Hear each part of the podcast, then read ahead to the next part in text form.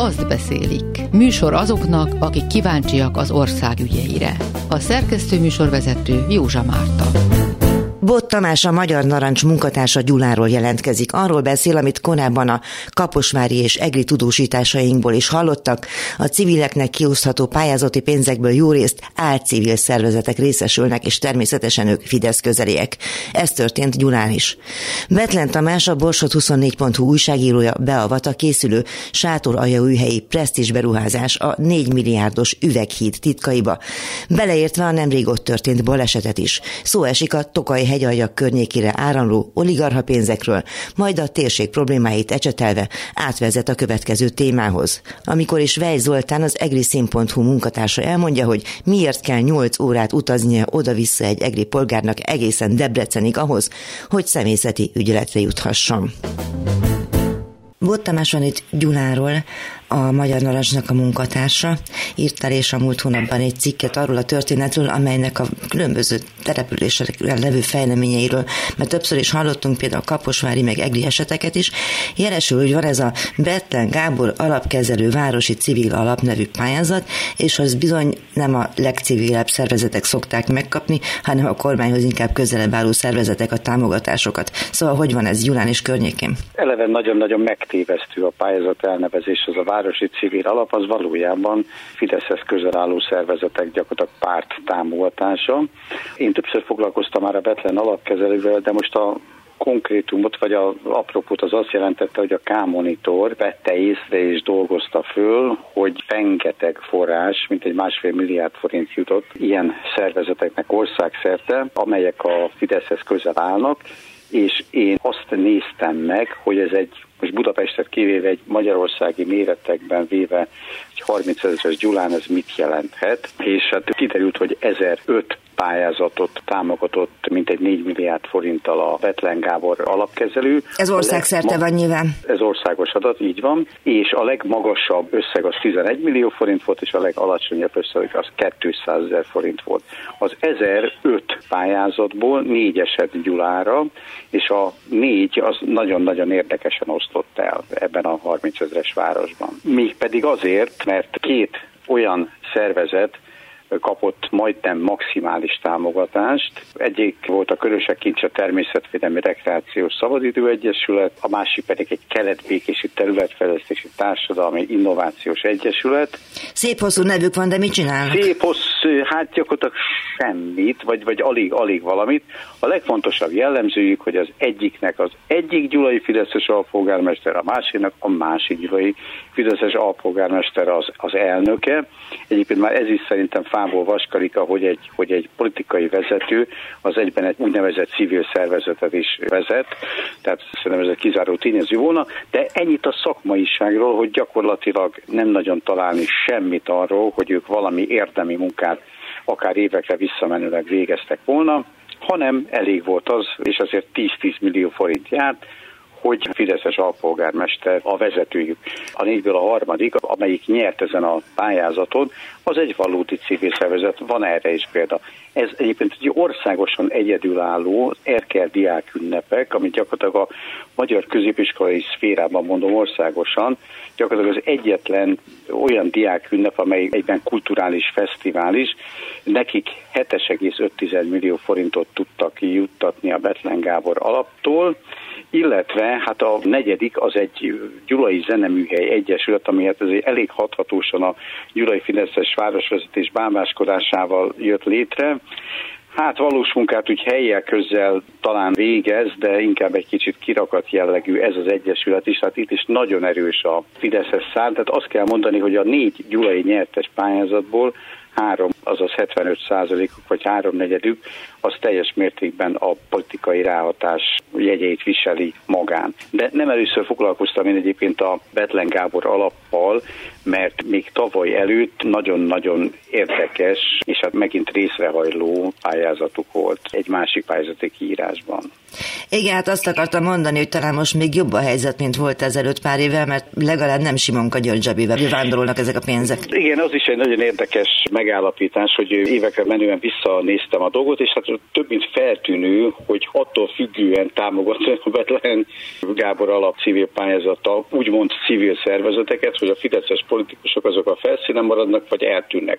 Korábban hatalmas pénzeket nyertek olyan délbékési mezőkovácsázához, Batonyához, vagy Pusztautlakához, kötődő, úgymond civil szervezetek, amelyben valamilyen módon képviselve volt, vagy tagja volt, vagy vezetője volt Simonka György, hogy most Simonka György már nem országos politikus, és most már hosszabb ideje nagyon súlyos bűncselekmények vágya miatt a fővárosi törvényszék váltottak padján ül, ezért ezek a korábban nyertes civil szervezetek, azok egész egyszerűen most már nem rugnak labdába. Hát ez is jól mutatja, hogy honnan fúj a szél. Úgynevezett civil ügyben mindig a politika felől fúj a szél, és ez szerintem hatalmas nagy baj a magyar civil társadalommal kapcsolatban. Egyébként az nem aránytalan, hogy Gyulán csak négy pályázatot lehetett támogatni? Megítélés kérdésem, ugye 1005 pályázat volt országosan, hát hogyha azt vesszük, hogy azért több ezer település van Magyarországon, ezt a részét megmondom őszintén arányosítani kellene, de önmagában ez nem biztos, hogy kevésnek mondható. A 9,6 milliót mondjuk a 30 ezerrel arányosítom, akkor lehet, hogy valami nagyon hasonló arány jön neki, mint az 1000-005 és a, a négy között. Csak ezt szeretném hangsúlyozni, hogy a, a négy gyulai pályázatból három az szinte totálisan a Fidesz érdekeltségeket támogatta. Az alapcélokat azokat már, már rég maga mögött hagyta a Betlen Gábor alap, amely egyébként három évvel ezelőtt egy szintén botrányos pályázati kiírásban hazai románságot támogató címszóval Magyarországi katolikus és református templomok felújítására adott pénzt, elvéve egyébként a forrásokat a hazai románság jogos vagy jogosnak tűnő különböző épületfelújítási programjai elől, és ez az ügy aztán eljutott egyébként egészen magas szintre, a miniszterelnökség nemzetiség és egyházi ügyekért felelős államtitkáráig, Soltész Miklóshoz, akit nemes egyszerűséggel ez az ügy, hát hogy mondjam, nem, hogy nem hozott lázba, még ő utasította vissza, hogy itt valami félreértésről van szó, semmilyen félreértésről nem volt szó. Mondom, román címszóval például azt a mezőgyáni református templomot támogatta a Betlen Gábor alap, amely mezőgyánban a népszámlálás szerint egyetlen ember sem vallja magát románnak, akkor vajon milyen pántlikázott román pénzek mehettek oda a helyi református templom felújítására? Miközben ugye a románok nem reformátusok, és nem is római katolikusok, úgy így, mellesleg. Így van, hát döntő többségük az ugye ortodox, és egy kisebb részük pedig baptista. Így van, így van pontosan. Kaposvár és Eger után Gyuláról is elmondhatjuk azt, hogy ezek a pénzek, ezek egészen közeli zsebekbe, vagy hát nem tudom, mondjuk civil szervezetekhez, álcivil szervezetekhez vándorolnak. Köszönöm szépen! Azt beszélik. Műsor azoknak, akik kíváncsiak az ország ügyeire. Betlen Tamás van itt a Borsod 24.hu-tól. Egy hídról fogunk beszélni, egy rekorder hídról. Akkor, amikor megjelent évekkel ezelőtt ez a rendelet, vagy az a pegyka, hogy épül majd ez, akkor emlékszem, hogy Hardi Mihály kollégámmal nagyon kerestünk valakit, aki a térségből erről beszélne, és nem találtunk senkit, hiszen annyira megvoltak attól rémülve a helyiek, hogyha valamit mondanak nekünk a klubrádiónak, akkor valami rémség fog vele történni. Most a sátorajó helyi polgárokról és politikusokról beszélek. És aztán utána jó ideig csend volt legalábbis errefele az üveghét kapcsán, most viszont megint bekerült a hírekbe, amiatt, hogy ott rádöltek valami deszkák egy családi házra, szerencsére katasztrófa nem történt. Szóval kezdjük itt ennél a végénél, mi volt ez az esemény? Igen, ott kell kezdeni, hogy néhány nappal ezelőtt lezuhant néhány szerelvény, nagyobb méretű padlók, deszkák arról a hídról, amit Sátorai helyen építenek egy aránylag nagy 4 milliárd forintos beruházás ennek az építkezéséről hullottak alá a szélviharban egy családi házra is jutott belőlük, és az udvarra, meg a kerítésre, a környező fákra. Láttam a riportot, ami készült a ház tulajdonossal, meglehetősen rémülten nyilatkozott, és azt mondta, hogy az eset óta nem is laknak otthon, mert hogy nem lehet tudni, hogy mikor következik be hasonló eset két gyerekkel, meg feleséggel el kellett költözni az anyósához az illető úrnak. Ugyanakkor az építető cég, a beruházó egy győri építési vállalkozás arról biztosította az illetőt hogy kell tanítani fogja a saját biztosítóján keresztül. Mindenesetre elég érdekes történet, hogy egy ilyen különleges és nagyon drága építményről akármilyen szél is le tud sodorni olyan eszközöket, ami veszélybe sodorja az alatta élőket. Magáról a hídról annyit, hogy jó néhány évvel ezelőtt került először szóba, és végül a beruházást azt tavaly nyitották el. Úgy néz ki, hogy egyébként 2024 májusában készen is lesz. Ez egy 700 méter hosszú gyalogos híd, amely a város két ikonikus pontját, a két hegycsúcsát, a Várhegyet és a Szárhegyet köti majd össze, kb. 80 méter magasan húzódik, és egy bizonyos része, a híd középső része ami ugye a legnagyobb távolságra van majd a föld felszínétől, ott üvegpadló borítja, tehát különleges élmény lesz rajta átsétálni. Ennek kapcsán ki is hirdették már, hogy ez egy világ csúcs tartó híd, persze csak a maga kategóriájában, a kategória meg azt jelenti, hogy a két irányú forgalmat lehetővé tevő üvegpadlós gyalogos híd kategóriában ez egy világ csúcs tartó építmény, hogy a beruházási költség, ami 4 milliárd forint, az is világcsúcs-e, azt nem tudjuk, de azért lehet sejteni. De egyelőre tartja a költségvetést? 3,5 milliárdról indultak, most már 4 milliárdról beszélnek. Amúgy a fővállalkozó, ahogy mondtam, Győri, de egy helyi helyi cég a kivitelező, tehát ők építik. Nincsenek olyan hírek, hogy megduplázódott volna a költségvetés egyelőre tartják. Ennél sokkal érdekesebb, ami szintén csak egy pár hete derült ki, nevezetesen, hogy hogy fogják hívni a a hídat, egy gyönyörű híd, egy keskeny, nagyon hosszú, nyilván van egy belógása, biztos láttam mindenki ezeket a képeket, aki meg nem az el tudja képzelni, de a neve azért sokaknál kiverte a biztosítékot. Te ugye emlékszel rá, vagy te tudod? Nemzeti együttműködés hídja, vagy ilyesmi? Nemzeti Összetartozás hídja, gyönyörű elnevezés lett. Most mondok egy történetet, amit a napokban hallottam egy sátorai újhelyi embertől, és nekem nagyon tetszett. Ő úgy vélekedett, hogy akkor állná meg a helyét ez az elnevezés, hogyha az átadás napján az történne majd ezen a hídon, hogy az egyik irányból elindul Orbán Viktor, a másik irányból pedig Gyurcsány Ferenc középen találkoznak és kezet fognak egymással, akkor így mindenki megbékélne, hogy micsoda jó nevet találtak ennek a hídnak, de hát persze... És nem üvegplafon lenne, hanem üvegpadló. Igen, így van, igen, átneveznék. Ez Mi ebben a biznisz? És kinek? Ebben a biznisz. Nyilván az építés sem lehet rossz biznisz, mint minden egyéb beruházás, ami mostában zajlik felveti annak a gyanúját, hogy ebből igazából kinek van haszna. Sokan azt gondolnák amúgy, hogy a Budapest meglehetősen távol fekvő sátorai új helyre egy ekkora beruházást a szlovák-ukrán határ közelében minek építeni, de óriási meglepetésemre, ahogy utána jártam a dolgoknak, kiderült, hogy itt új hely egy eléggé kivitelezett helyzetben van, és már nagyon-nagyon régóta nagyon komoly pénzek érkeznek ebbe a városba. Nem utolsó sorban Szamosvölgyi Péter polgármesternek köszönhetően, aki lehet mondani egy ősfideszes, gyakorlatilag még a múlt évezredben, tehát 2000 előtt választották meg polgármesternek, és azóta tartja ezt a pozíciót. 2002-től pedig elkezdtek áramlani azok a pénzek és beruházások, amelyek gazdagítják ezt a Borsodó Zemplén megyei várost Nagyjából indult ez a dolog a sífelvonóval, illetve egy libegővel, drótkötépályával, ami lehetővé tette, hogy bizonyos időjárási körülmények között ott síelési lehetőség nyíljon a környékbelieknek. Ezt is megkérdeztem, hogy mennyi látogató érkezik ebbe a kalandpark, nagyon sok minden egyéb mással is ellátott turisztikai központba, és azt mondták, hogy egy millió látogató jön évente, ami nem is olyan kevés. Magát a síelést egyébként csak időszakosan lehet nyilván igénybe venni, hogyha a hőmérséklet mínusz 4 fok alatt van, de a hóágyuk éppen a napokban kezdték el az idei szezonban másodszor elvégezni a munkájukat, és állítólag a környékbeli vagy a közeli településeken élő szlovákok, szabolcsiak, hajdubiar megyeiek, és sőt még Miskolciak is alkalmaként kiruccannak ide sielni. Nem a legtökéletesebbek a körülmények, szóval nyilván nem lehet egy szlovák vagy egy osztrák sípályhoz hasonlítani, de működik. A Szárhegy és a Várhegy, meg a Magashegy, ez a három magaslati pont található város közelében. Itt található egy kápolna, egy Tianon Trianon emlékmű, egy Trianon stáció, egy régészeti feltárás a Várhegy tetején azon dolgozik, hogy próbálják megtalálni az egykori várnak a, az összes felelhető darabját, és abból is tudjanak egy kulturális, turisztikai látogatási célpontot varázsolni, illetve van még egy látványkilátójuk is. Meg egy óriási a... kereszt, mint a Riói kereszt, nem? Az nem egészen ott van, a közelében, de jó helyen tapogatózol, mert az én elképzelésem az, erről a beruházás cunamiról, ami ott most zajlik, és amit körülbelül egyébként egy 10 és 20 milliárd forint közé tesznek a hozzáértők, hogy mennyi pénz érkezett erre a településre.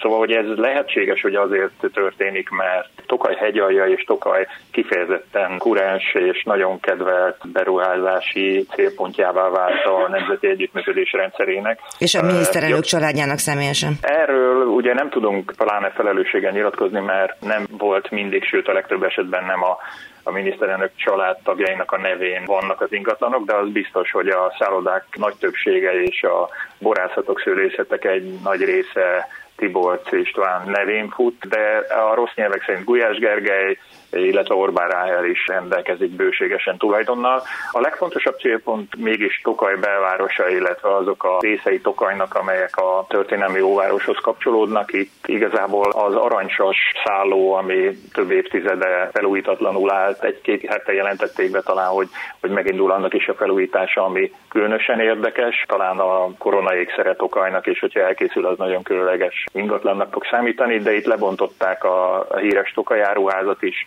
hiába tudakolóznak a helybéliek, hogy mi épül a helyére, ezt nem sikerült kideríteni. Talán emlékszel arra, hogy a Tokaj-hegyeljei régió Váberer György vezetésével, aki annak idején kormánybiztosi pozíciót kapott a miniszterelnöktől, 150 milliárd forintot volt hivatott elosztani 2020 és 2024 között, olyan beruházásokra, mint a közutak rekonstrukciója, ez 50 milliárdot kapott a turizmus fejlesztés, a kerékpárutak fejlesztése, a szállásai és gasztronómiai szolgáltatás fejlesztés, városrehabilitáció, ez utóbbi 10 milliárd, és gyermek, illetve ifjúsági szállás és szállodafejlesztési projektek erre is jutott közel 10 milliárd forint és ennek a nagy részét el is költötték. Annyi változás történt mindössze, hogy Vábere György kormánybiztosi pozíciója nem fért össze a Tokaj hegyeljei egyetem, frissen alapított egyébként, vagy egy néhány év alapított egyetem kuratóriumi elnöki pozíciójával is választania kellett, és leköszönt a kormánybiztosi pozícióról, és a, az egyetemet választotta nincs mézeskolásból vagy kolbászból a kerítés, meg a kapu sátorai helyen azért a helybéliek, amikor érdeklődtem, nem voltak szégyelősek, és mondtak azért néhány olyan dolgot, ami igen csak elgondolkoztatja az embert. Nevezetesen a legnagyobb problémájuk az ott élőknek az, hogy a fiatalok csak olyan munkákat találnának, amelyből egyszerűen nem lehet megélni még ebben a régióban sem, nem hogy országosan, tehát sem a Miskolci, sem a budapesti bérekhez nem lehet őket hasonlítani, így aztán nagyon nagy számban választják az elvándorlást, erről a településről gyakorlatilag nem lehet fiatalokat találni, akármilyen beruházások érkeznek amúgy a napokban átadtak egy nagyobb ipari beruházást is a városban.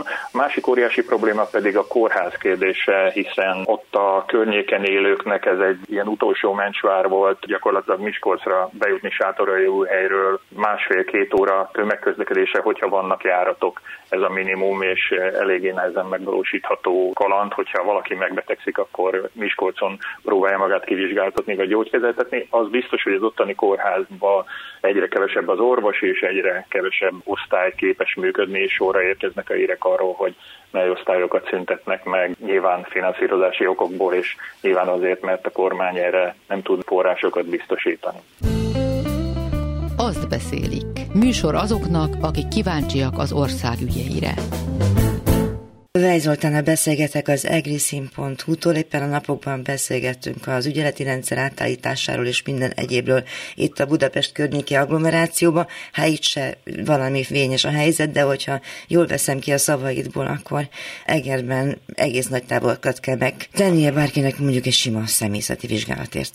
Nem is a vizsgálatért, az ügyeletről van szó, tehát a, a személyzeti ügyelet, mert egy vizsgálatot még úgy el lehet hogy mondjam, halasztani, de az ügyeletre ugye a szemészetre az megy, akinek belement valami a szemébe, azonnal levált a retinája, vagy valamilyen azonnali sürgősségi dologról lenne szó. Na, ez most Egerben azt fogadja, hogy fáradjon el Debrecenbe. Ami hát, hogy mondjam, tömegközlekedéssel azért egy jó három-négy óra, tehát onnan vissza egy olyan nyolc órányi út, és hát akkor még még egyáltalán nem lehet abban biztos, hogy kibírja ezt a szeme, hiszen vannak olyan nagyon sürgős beavatkozást igénylő történések, amikor azonnal orvosolni kell. Mi ennek az oka? Ugye ezt az ügyeletet a kórházba kellene megtartani?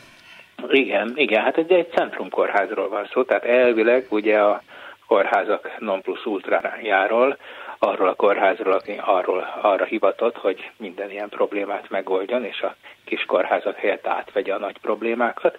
Most úgy tűnik, hogy, hogy a kórház igazgatója az írt egy levelet a miniszternek, hogy bizony ezt nem tudja ellátni, és hát nagyon nem vagyunk okosabbak, illetve hát nyilván kitaláltuk, hogy miről van szó, mert a kórház igazgató a hírek szerint megüzente, hogy ne is foglalkozzon senki ezzel a témával, mert ő úgysem nyilatkozik. Viszont tudjuk, hogy nincs szemész. Gyakorlatilag az a probléma, hogy, hogy nincs szakember, aki ellássa ezt az ügyeletet. Ezért aztán a kórház közölte a miniszterrel, hogy ő bizony nem tudja ellátni, sőt, mellékelt egy másik elutasító levelet is, ez pedig a Miskolci kórház elutasító levele volt, hogy ők se tudják ellátni, mondjuk Miskolc egy kicsit közelebb van. És akkor a miniszter kijelölte Debrecent. Kijelölte a Sopront is. Igen, igen, tehát persze, tehát el lehet botorkálni az országban, szerencsére nem olyan nagy most már Magyarország, bárhol talál az ember szemért, hogyha keres.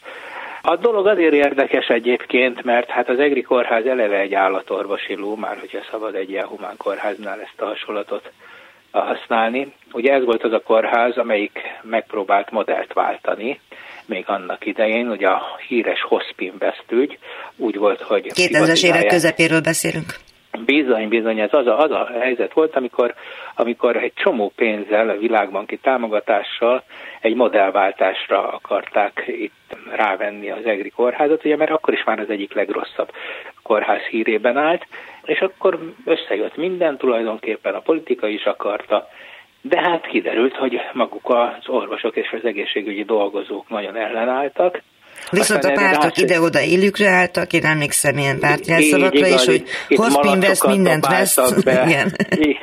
Igen, a közgyűlésre, hogy úgy éltek, mint a disznó. Hát szóval volt mindenféle, és tényleg hát egy csomó igazi sült bolond benne volt ebben a dologban, hát felkavarodott, mint dobó esküjét tették le, hogy ők megvédik az egészségügyet, hát kiderült, hogy maguktól, mert ez sikerült is, és hát igazából nem az úgynevezett kórházvédők, mert magukat kórházvédőknek nevezték, nem ők voltak tulajdonképpen, akik miatt ez a dolog elmúlt, hanem, hanem hát az akkori politika gyávasága. Tehát visszakoztak, és akkor az egész modell az bedőlt, a Hospin West elment, elvitte az adósságot, tehát egy fillér adósság nem maradt a, a kórháznak, teljesen tiszta lappal indulhatott, és akkor onnan küzdötte le magát hosszasan oda, hogy most már például nincsen személyzeti ügyelet. Hát ez persze az kellett, hogy mindenféle igazgatók jöjjenek, azokat is rendre kinyírták itt a, a helyi kórházi dolgozók, illetve hát azok a mozgalmárok, akik nem tűrtek semmiféle olyan változást, ami őket úgy érezték, hogy hátrányosan érint. Aztán most a legutolsó igazgató, egy fideszes képviselő Bajáról, került ide. Ő arról lett hírhet, hogy őt az OVB megbüntette a múltkori választáson, mert közlevélben írta meg a kórház dolgozóinak, hogy csak a Fideszre szabad szavazni, vagy lehet, hogy az a jó, az lenne az illamos. Erről persze azonnal közzétette egy posztot, hogy nem bánta meg, és hogy nagyon jól döntött, hiszen a Fidesz nyert. Most pedig látjuk, a, illetve hát nem sokára nem látjuk ennek az eredményét, mert hogy a személyzet ugye eltűnt a személyzeti ügyelet, és most Debrecenbe lehet bumlizni. Az is tiszta nyereség, mert legalább addig se termel semmi veszteséget, ami nincs, az nem tud veszteséget termelni. Igen, igen. És hát azért, azért nyilvánvalóan itt is ez van, hogy egyszerre fejlődött és romlott a kórház, hiszen vannak dolgok, amik tényleg komolyan megváltoztak, és hát látszik, hogy bizonyos dolgok pedig egyszerűen változtathatatlanok, mert hogy maga a rendszer olyan, ami nem teszi lehetővé, hogy az egész racionálisan működjön, és hogy jó szakemberek mondjuk megmaradjanak. Bot Tamást a Magyar Narancs munkatársát Gyuláról, Betlen Tamást a Borsot 24.hu újságíróját Sátórajóhelyről, Vej Zoltánt az egriszin.hu újságíróját pedig Egerből hallották. Lehocki Miriam szerkesztőtársammal együtt köszönjük figyelmüket, várjuk Önöket a jövő héten is, Józsa Mártát hallották. Azt beszélik című műsorunkat hallották.